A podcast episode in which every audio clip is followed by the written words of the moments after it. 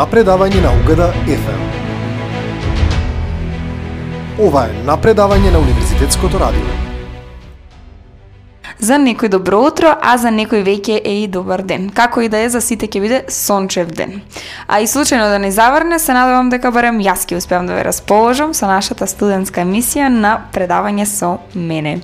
Јас сум Стојче Читкушева Димитрова, а вие слушате Угада FM.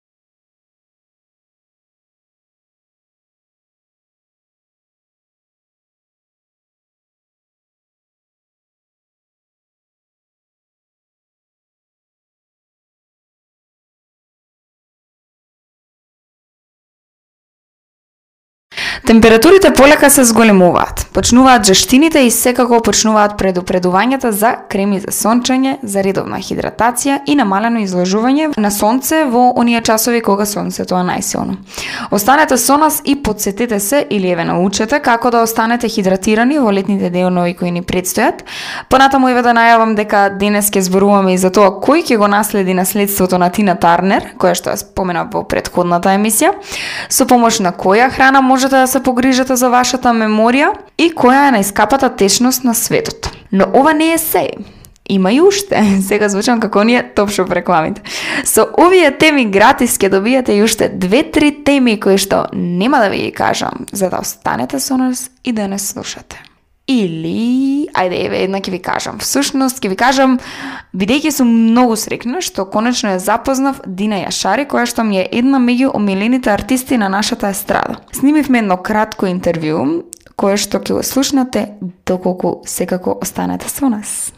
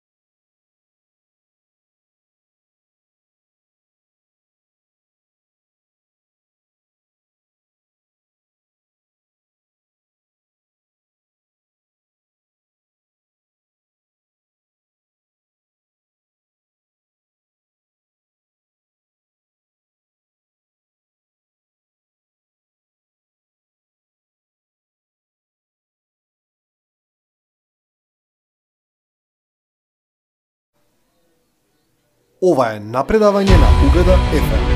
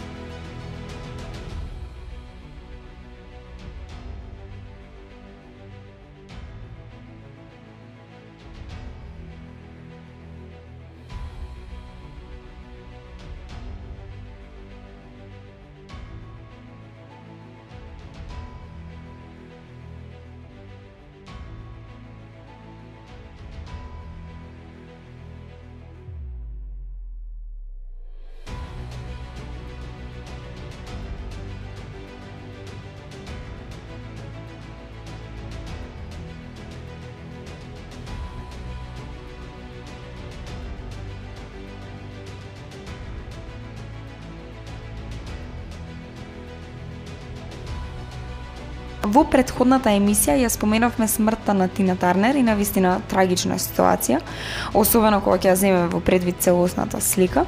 Добитничката на Греми и мислам дека дури ова е малку да кажеме добитничката на Греми, едноставно легендарната Тина Тарнер покрај неколкуте болести во незиниот подоцнежен живот доживеала и две трагедии, смртта на незините биолошки синови Крек Тарнер, незиниот најстар син, кој што починал во 2018 година откако си го одземал животот и пред помалку од 6 месеци пред незината смрт го изгубила и својот најмлад син Рони Тарнер.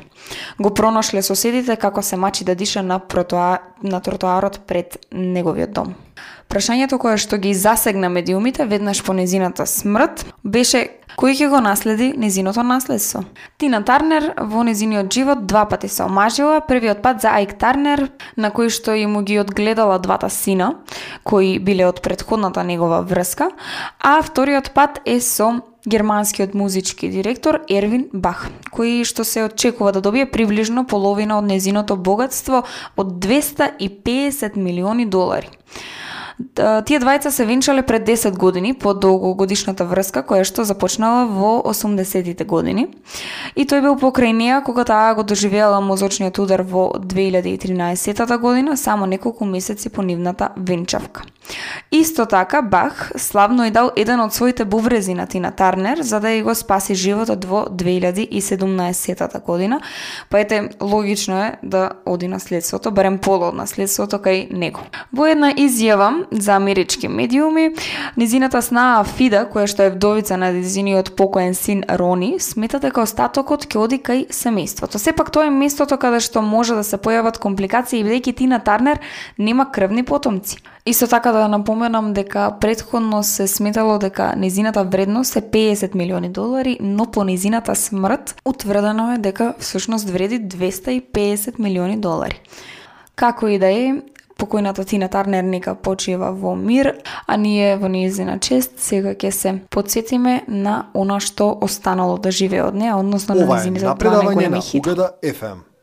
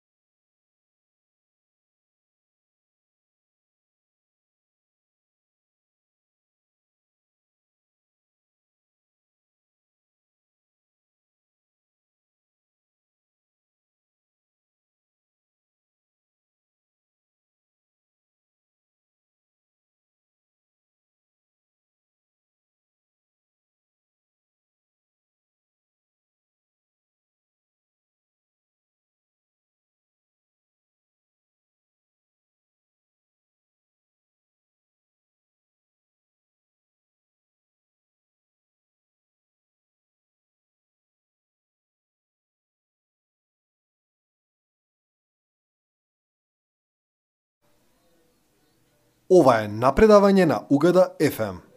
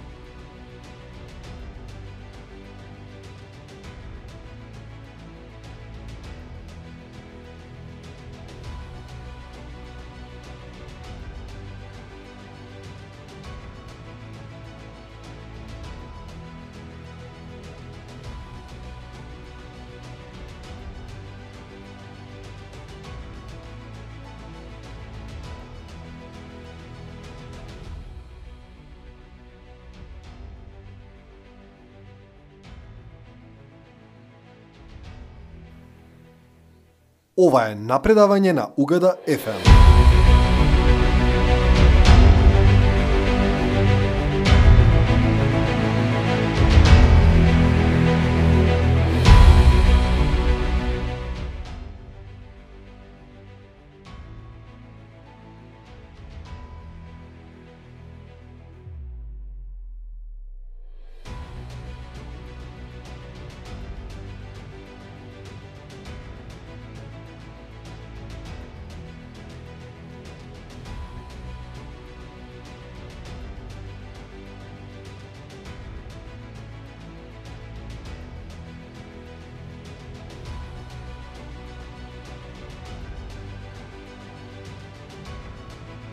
Почитувани слушатели, се надевам дека останавте на нашата фреквенција на Угада FM и дека ја слушате еве оваа емисија која што јас ја водам на предавање со мене.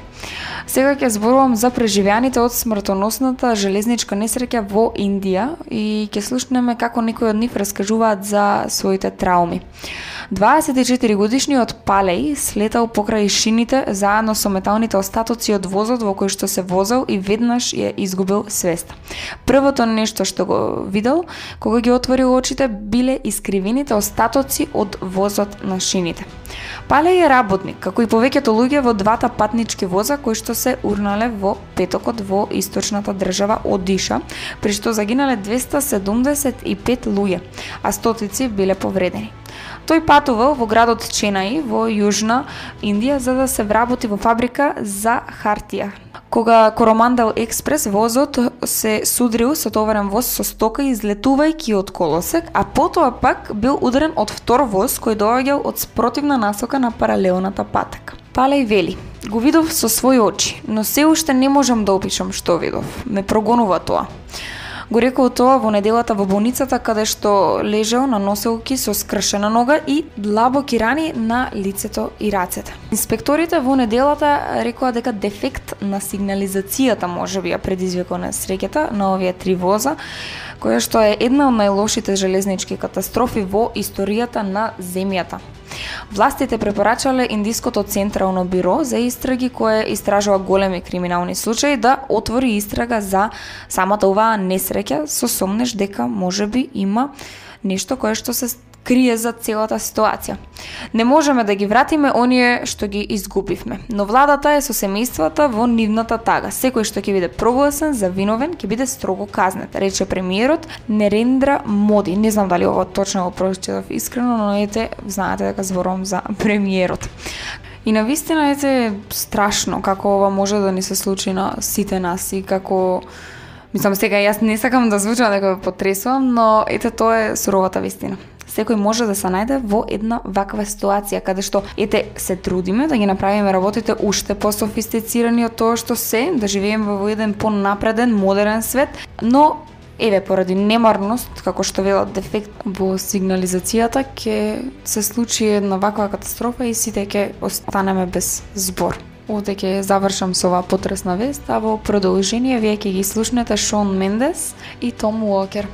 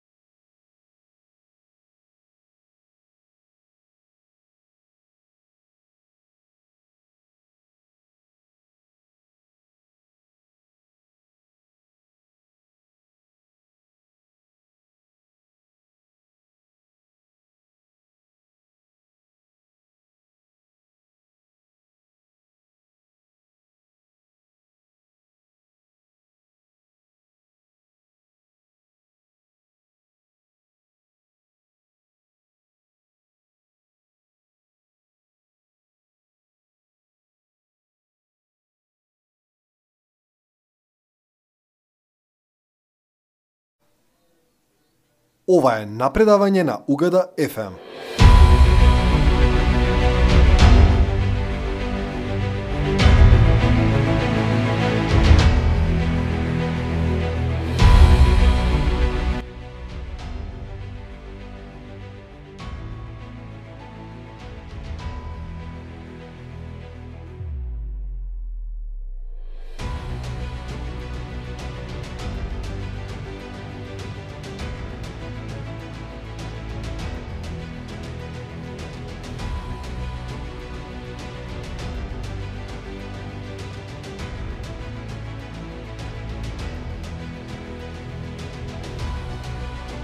Враќаме повторно во нашата емисија на предавање со и поради предходно споменатата катастрофа, сега би сакала да се задржам на последиците врз менталното здравје на луѓето од вакви катастрофи. Може некојаш се дошле во допир со терминот PTSD, кој ги бележи овие последици. Доколку не сте се запознале или не сте дошле во допир со него, сега ќе дојдете и јас ќе ви објаснам колку што можам.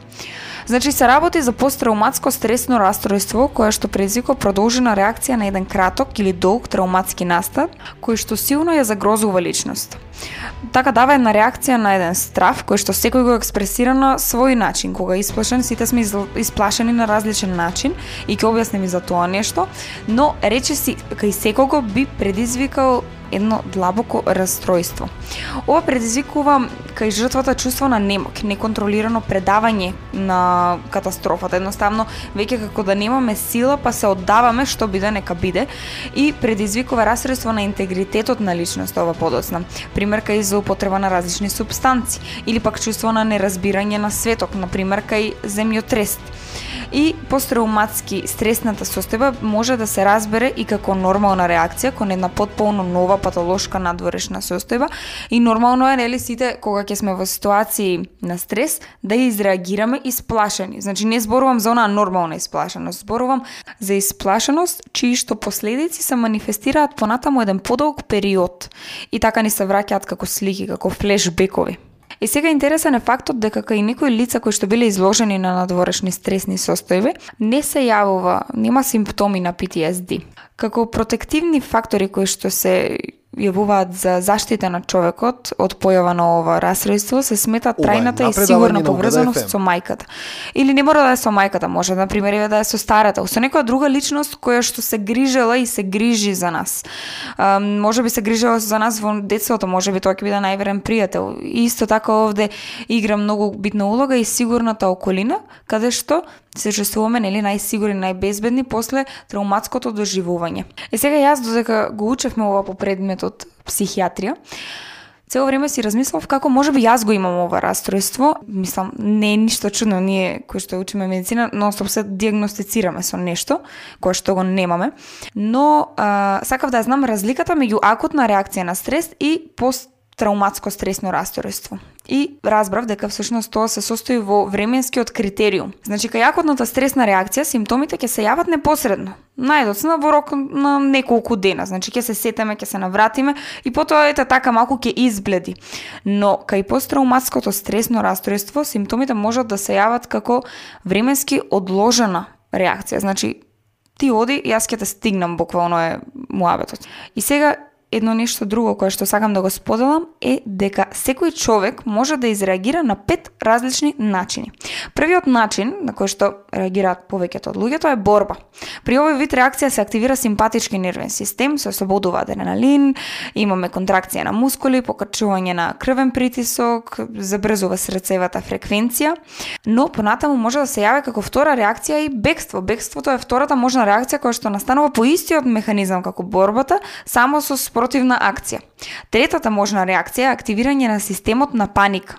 Кај нас луѓето постои еден вроден страф од сепарација, на пример сепарација од мајка кога тргнуваме во градинка и се манифестира најчесто со засилен нагон за мокрење, што велат се помочав од страв и празнење на дебелото црево. Чувство на грудка во, во грлото, тешкоти и предишање и така натаму. Четвртата можност за реакција е заземање на состојба на мртовец, така наречена freeze reaction Па, и говорот е исклучен. И петата, на мене ова ми беше најинтересна, последна можност за реакција на трауматска состојба е дисоцијација. Се работи за сепарација меѓу мислите, чувствата, когнициите, значи препознавањето, действувањето и чувството за идентитет и свесност. Еве вака може да звучи комплицирано, да кажем еден пример. Жртвата која што била мачена ја гледа сцената на мачење од озгора, како да не и се случувало неизе, туку како да се случувало на некој друг. Понатаму еве ова може целото да биде поврзано да биде да речеме едно конверзивно дисоцијативно расстройство. Тоа пак е многу интересно. Изгледа како пациентот да има телесно расстройство, значи има нешто некоја повреда на телото, а всушност е за ние да направиме магнетна резонанца, нема да може да се најде ништо што би ги објаснило симптомите. Симптомите најчесто се парализа, афонија, оштетување на виден нерв, како да се слепи одеднаш пациентите и слично. Значи не му се случува на него, може да го гледа дека се случува на некој друг. И на тој начин пациентот да сака да ја избегне болката, она психичка болка од самата траума или катастрофа која што му се случила. Добро, јас сега овде отидов на дисоциативни конверзивни, зборувавме за PTSD, сакав да кажам дека Исто како сега оваа катастрофа, на пример во Индија, која што ја споменав предходно, со судирот на трите воза каде што има 275 починати лица, ете, оние кои што преживеале, има шанси да ги искусат овие растројства, за жал. Но, сепак, треба да се обратиме, време да се култура земе и психотерапија, на време да се препознае ова и така и ќе можеме да да и помогнеме. И секако овде е присутна и емпатијата која што треба да и биде пружена на оние луѓе кои што страдаат од овој тип на расстройство.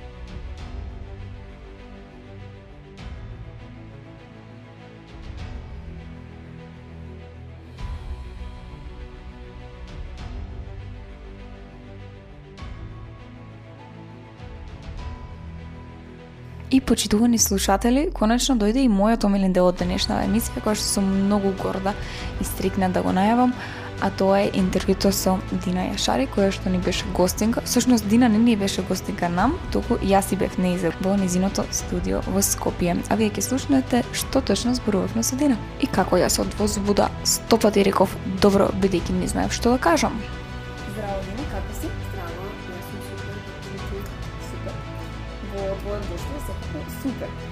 Бидејќи сме сега кај тебе во студио, ова не е за тебе дом.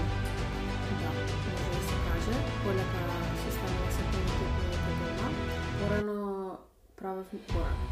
Буквално до пред неколку месеци тоа го правев буквално дома во мојата соба и сватив дека Убаво е да си има еден простор. Да, дека многу ми е тешко кај што ми е креветот да бидам продуктивна, пошто се Да. ме тера на спиење.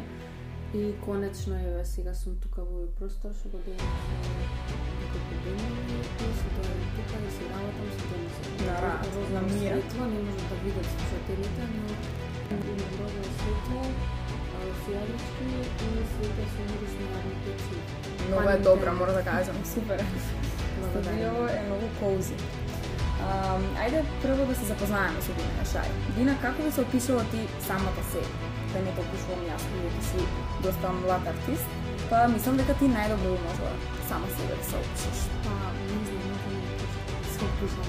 Од ден за ден сум различна, различно се осеќам и различно работи мислам за себе. Па, ако се опишам, не знам во кој смисла сум. Три твои најдобри карактеристики. Ајде. На најлошите ми текнува. Ајде прво најлоши. најлоши. најлоши. Не кажуваме најлоши стига. Сакаме тука слушателите да слуша, нема најлоши, само една најдобри. карактеристика за мене е дека многу сакам да влезам течок.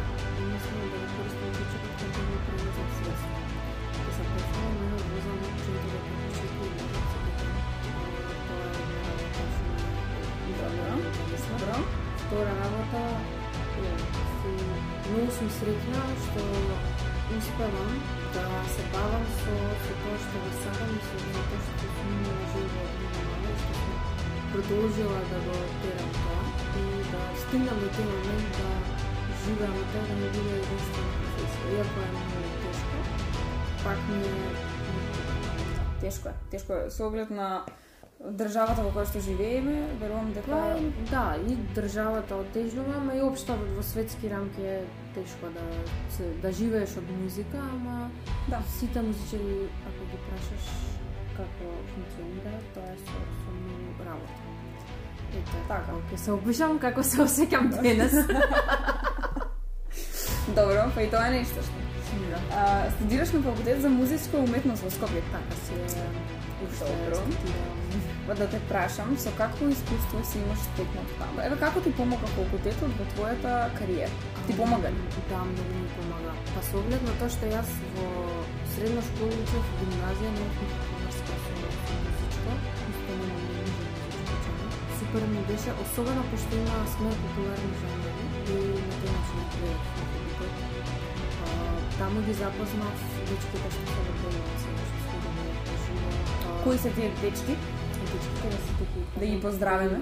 Ајде, па, Лука Тошев, што е на гитара, Стефан Алексовски Цефон на клавир, Драган Теодосиев, оцетот на а, тапани, а, на басе Симеон Ангеловски шоле, пратачи пратечи вокал, тој вокал се менува, беше Ребека Војсавлевиќ и Сара Панковска. Така да цела таа екипа Од факултет, така? Да, исто така и еви Дамијан Грује свиреше на тапани со нас. Интересно е пошто се нарекуваме единашари и другари, затоа што тие другари до тука и некогаш имаме промена на членови, некогаш се истите. Главно, тоа се сите луѓе што ги запознав на факултет, освен патични А, и муабетот ми беше факултетот не толку како институција, повеќе како луѓето што ги запознав што сме се нашли на тоа место во тоа време и постана да и пријателства и работка помеѓу нив, така да е факултетот тоа ми го.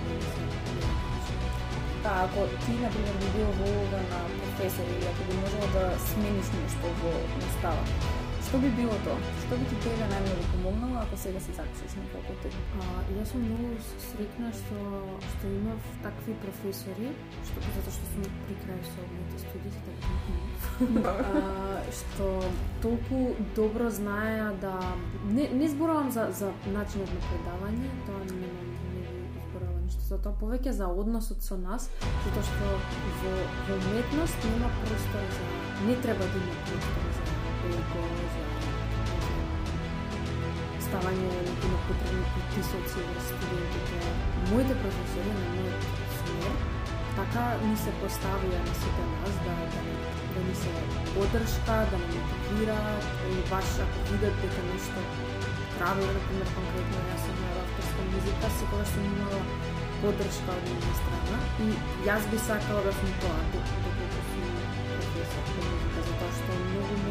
колеги, што да кажам, имале лоши искуства со професори кои што наместо да ги мотивираат, да ги охрабрат, ти уште повеќе им, им зборуваат. И тоа уште од мали возрасти, значи уште во нижо музичко и средно музичко имам прем, за жал премногу случаи имам слушнато кај што професорите наместо да ги охрабрат, ги е, само ги прават да се чувствуваат дека се неспособни, неталентирани, дека никогаш нема да, да просперираат, така да ете тоа е тоа што не би сакала да бидам и би сакала да бидам баш како моите професори кои што ме охрабруваа да бидам подобра. На секој факултет го има тоа, за жал.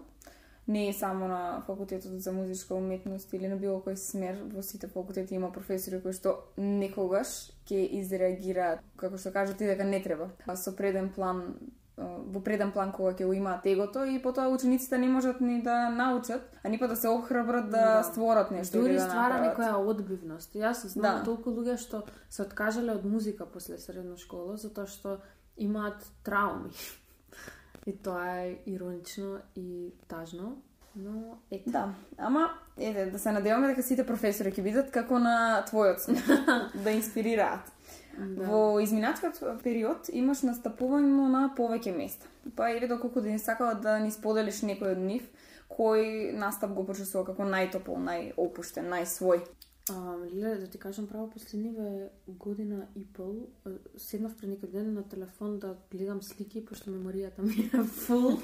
Не ми се ни верува, дури сум заборавила пола од работите каде се бев и што се ми се случи и со кои се луѓе се запознав и каде се настапував. А, многу ми е тешко да издвојам концерти, значи бевме низ Балканот, имавме неколку мини турнеи, бев и во Будимпешта. Еве, може би ќе го кажам најсвежиот концерт, бевме на Мент фестивал во Лјубљана, настапивме со фул бенд и тоа беше едно прекрасно магично искуство и не ми се веруваше дека во Лјубљана во кино Шишка ќе ќе биде преполна салата и ќе има толку убава енергија. Не знам, тоа ми е, е најсвежи и нај најубаво искуство што ми се случило и да, ете. И така. Мент ќе кажам.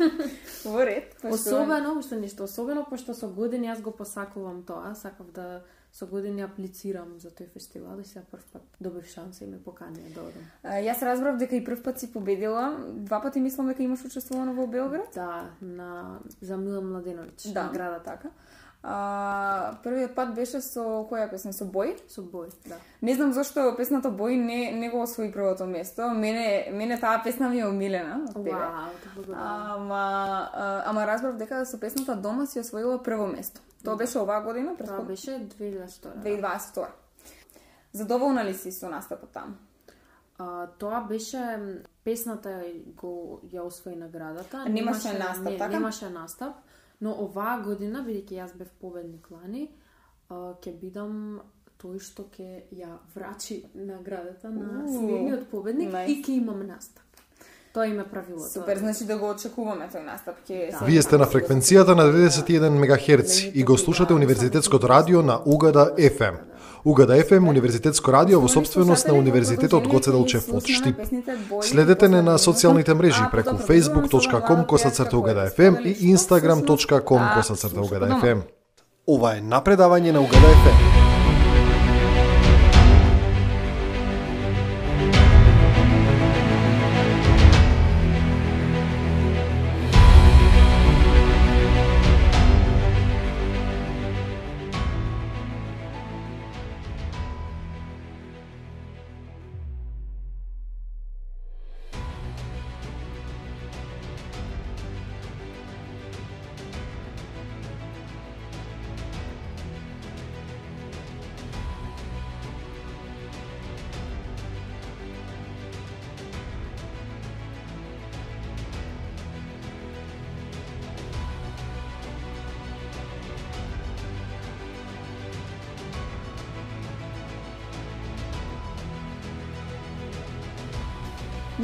Ние слушнавме Дина Јашари, а што слуша Дина по дома? кажам периодов, слушам аудио цигла, кој да ми извади EP Astral. Јас го открив лани, кога извади песната Електромонок и цело време го слушав. И многу ми е мило што сега го препозна и имаше и настапи на фестивали, така да, ете, кажам аудио цигла Електромонок Не сте го слушали до сега, сега Слушнете го. А ако би имала можност да направиш песна дует со било кој од македонската естрада, со кој би било тоа? А, ова е нешто што го мислам многу време и веќе имам правилно работи со. Не би открила пред да се случи, ама има Значи, може да очекуваме дует со некој од македонската естрада. Да. За крај ни остануваат уште две прашања. Едното од нив гласи вака: доколку би можела да им дадеш еден совет на оние кои сега се запишуваат на факултет за музичка уметност или оние кои што сега почнуваат да се занимаваат со било каков вид на музика, што би било тоа? Како би ги ти да речеме охрабрила? Би рекла или да не се запишат на факултет, ако сакаат да, творат се бават со музика, да се дружат со луѓе подобри од нив, мислам подобри, поискусни, по шумат, да, што, што го прават тоа, и така најмногу се учи. Јас не го научив од билето околу мене и факултет е добра опција за да се обкружиш со, со такви луѓе и да створиш нека навика, плюс убава малку да се потковаш да учиш теорија и ако тоа може да кажеш на факултет. Така да, ето, на тој сака... Ова е напредавање на Угада FM. Може додатно популарни жанрови кај што бев ја. Ми помогна многу така теоретски да научам и си запознав таму луѓе, зашто одиш на факултет си обкружен со музичари, мораш да учиш песни, мораш да вежбаш клавир, така да ако си човек што нема самодисциплина како јас, не дека немам, малце ми е потешко, На сите ни е потешко, особено после короната. Од фала ти. Убаво нешто за мене лично беше да некој ме тера да, да морам да го правам тоа. Така да ете, нека се запишат за такви работи, ама нека не биде целта е, да, да мислат дека факултетот нив ќе ги направи музичари, повеќе труд колку ќе вложат и колку ќе се дружат со, со музичари. Така. Ти благодарам, Дина. За крај следува прашањето каде се гледаш ти во иднина и секако кога би можеле да очекуваме нова песна. Нова песна многу брзо, значи веќе Многу, многу брзо веќе, е, веќе договарам спот треба да снимам и тоа као сега за брзо, така да не не кажувам конкретна дата, ама летово ќе излезе. Се надам дека се ќе помине во најдобар ред и ќе излезе таму крај на јуни, јули, некој тоа време. Добро, А, нешто поразлично ли ќе биде? Ќе ни ликнеш ли некоја биде, информација? а, значи песната е Дина 2.0. Тоа ќе кажам. Добро. А, А кај се гледаш? а кај Во иднина? Гледам а, во блиска иднина се гледам на многу забавни настапи. Веќе ми е букирано летото со многу интересни настани. А, 3 јуни сум во Загреб, ќе отварам за Elemental, прават голем концерт, 25 години кариера. После тоа, крај на јуни ќе имам една турнеја ќе имам настапи во Унгарија, во Полска, има уште некои места што уште чекам да ми потврдат. После во јули сум на Exit фестивал ќе пеам. Уху, екзит, а? да, треба да објават. Знам дека многу македонци одат на екзит, се надам ќе имаат прилика да, да слушнат нешто наше и таму. Така, да, има има артисти од Македонија што редовно, мислам, редовно редовно има артисти од Македонија што што настапуваат на Exit и тоа многу ме радува. А на The Fest ќе учествуваш ли повторно? На The Fest, па не, лани бев на The Fest. така Доса беше да, толку. Па да не биде ептен. Да не биде се секоја година. Малку нека почекаат на И после тоа исто крај на јули, почеток на август ќе сум во Хрватска, исто. И во август имам буке, значи не знам веќе секој ден враќам на мејлови и многу сум среќна за тоа, затоа што конечно можам да да имам настапи колку што сакам и на што повеќе места И и, да уште нешто исто поли. така, ја, сега сме тука во мојот простор кај што доаѓаме секој ден, си си работам на песни и сакам мојот деби албум да го завршам до крајот на оваа година. Значи да те очекувам. Така да ме очекувате. Супер, Тина, ти благодарам многу. Јас супер си повинав овде. Тега. И се гледаме на некој подкаст, најверојатно. Е, па може бе, готово, јас сум тука. И овде го завршуваме. Ете, може би од моја страна малку аматерско интервју, но сепак едно меѓу првите. И сега во продолжение ќе слушнеме некои од другите песни на Дина Јашари.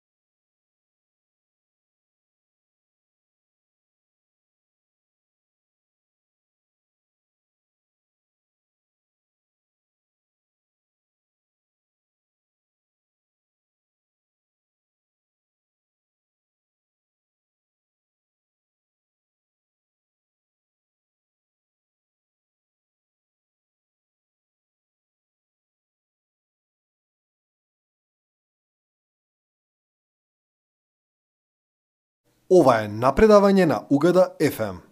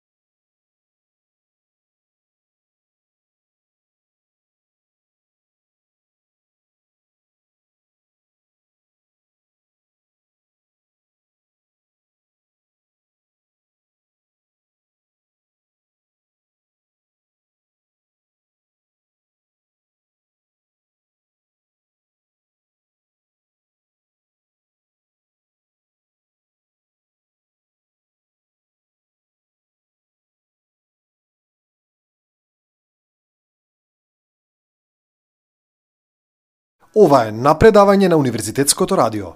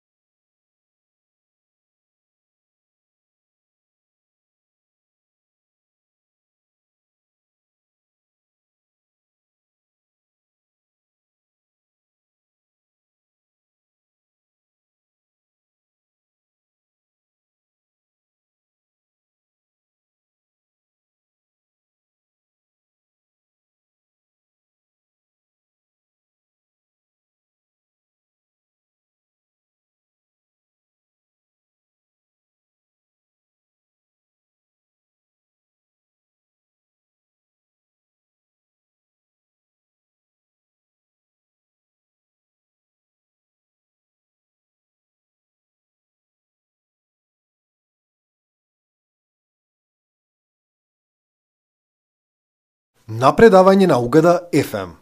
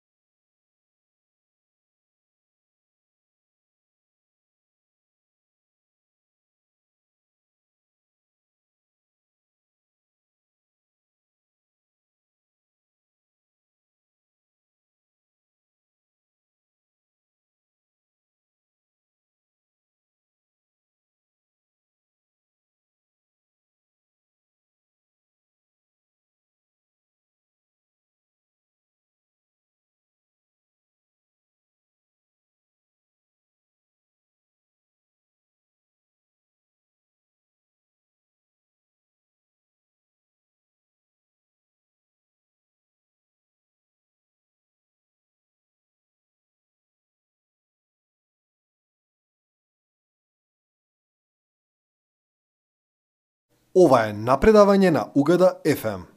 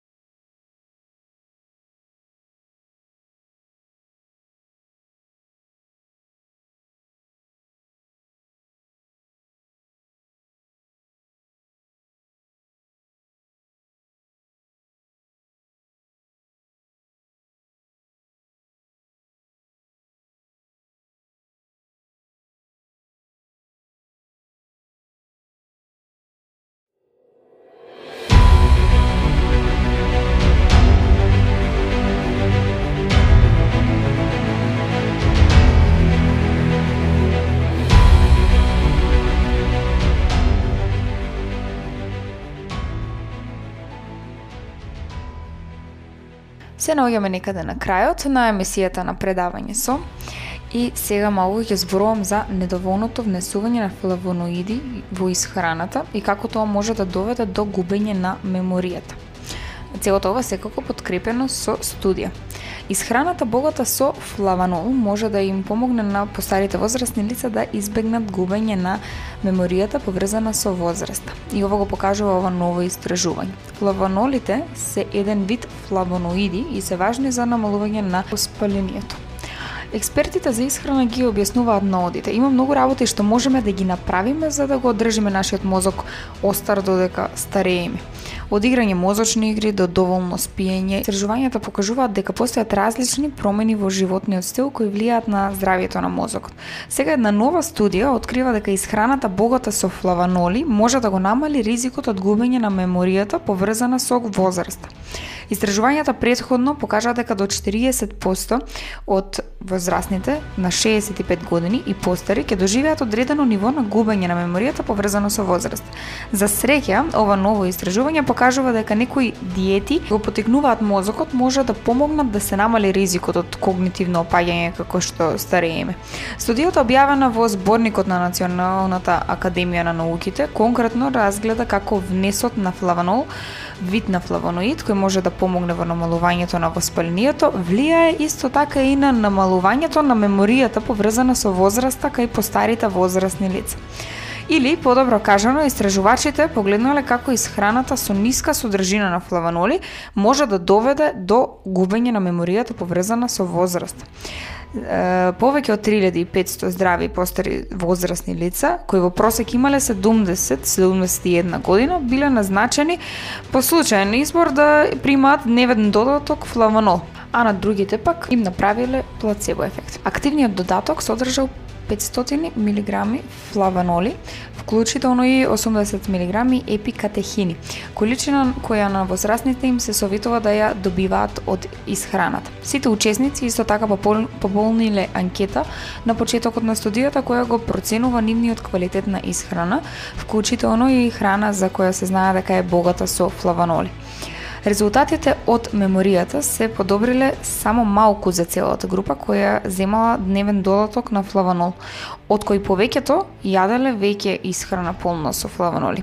Но тоа што нас не засега, она што е малку поинтересно е тоа што учесниците кои што јаделе посиромашна исхрана и имале пониски нивоа на флаваноли за почеток, забележиле дека резултатите од меморијата се зголемуваат по земање додатоци на флаванол во просек за 10,5% во споредба со плацебо групата и 16% во споредба со нивната меморија на почетокот на студијата.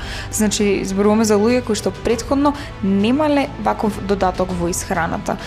Одеднаш го вклучуваат и сега, значи, имаме 10,5% подобрување на нивната меморија. И сега доколку ве интересира која храна е богата со флаваноли, тогаш можете да проверите на интернет, ама јас бидејќи сум толку многу добра, сега ќе ви кажам, тоа се јаболките, боровинките, цвешите, сојата, цитрусните овошки, кромидот, спањакот и други.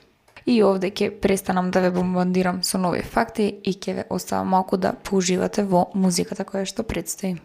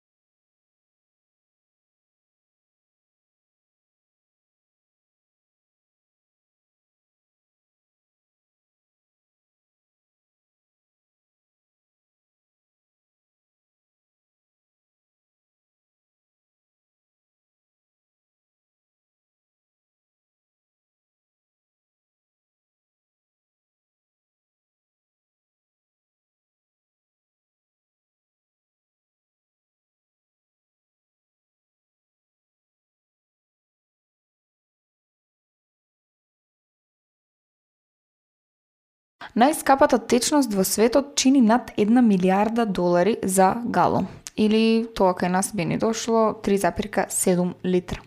Иако не постои течност што на крајот може да се спореди со вредноста на водата на нашата планета, на пазарите на стоки одредени течности привлекуваат енормни цени. Цената често е предизвикана од тоа колку е тешко да се добијат нивната скапоцена медицинска употреба, а понекогаш и нивната недозволена природа. Золгенсма, многу тешко име, се користи за лекување на ретко невромускулно нарушување, познато како спинална мускулна атрофија. Револуционерниот тек е буџетски интензивен за создавање и честопати биле потребни години истражувачка работа пред да се започне со клинички испитувања. Една доза од 5,5 мл золгенсма чини 2,1 милиони долари. Направете математика и тоа собира над 1,4 милиарди долари по галон или тоа е 1,4 милиарди долари за 3,7 литра. Ајде, кажете ги 4. Сепак е енормна сума. Исто така и одредени видови скорпи имаат скапоцен отров вреден од 39 долари по галон поради нивната терапевтска и лековита природа за лекување на ретки болести. Скорпиите се молзат, мислам дека тоа би бил нај соодветниот израз, и секоја скорпија произведува минимум 2 милиграми отров, што е многу мала доза и затоа ете и цената е толку многу голема.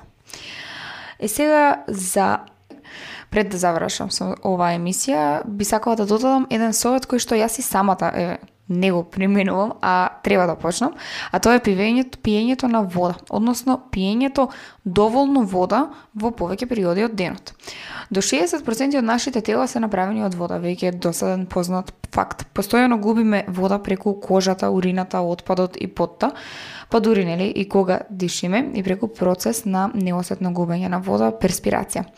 Внесувањето вода има многу придобивки, вклучувајќи регулирање на внатрешна телесна температура, метаболизирање на храна и регулирање на глад, подмачкување на зглобовите исто така, испирање на телесен отпад, производство на соодветна плунка и ако не пиеме доволно вода може да дехидрираме што може да доведе до нарушена бубрежна функција и неурамнотежени електролити и многу многу други компликации.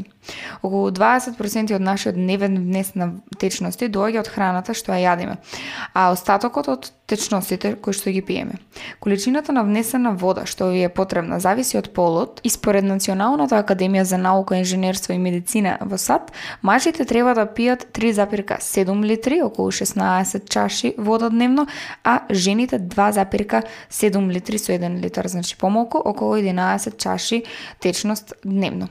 Треба да пиеме уште повеќе вода ако вежбаме, ако цело време се потиме или ако имаме некоја болест, особено при труење со храна, кои што се многу чести, особено во летниот период, каде што се јаваат, јавуваат симптомите како диарија, повраќање или треска. Е сега, иако ретко, можно е и да се пие премногу вода, што велиме да се препиеме вода. Вишокот на вода може да биде смртоносен. Особено за оние кои што се со срцеви заболувања или кои што имаат електролитен дисбаланс. Најдобрата опција е да разјасните со вашиот лекар кој ниво на внесна вода е најсоодветно за вашето тело и нивото на активност исто така кое што ви е потребно. Во секој случај, јас само сакав да апелирам на доволен внес на вода, особено во летните периоди кои што ни предстојат. И овде ќе завршам со оваа емисија. Ви благодарам што остановте или што воопшто ја вклучивте оваа фреквенција, за да ја слушнете емисијата на предавање со. Вие слушате Угада FM и продолжете да слушате Угада FM.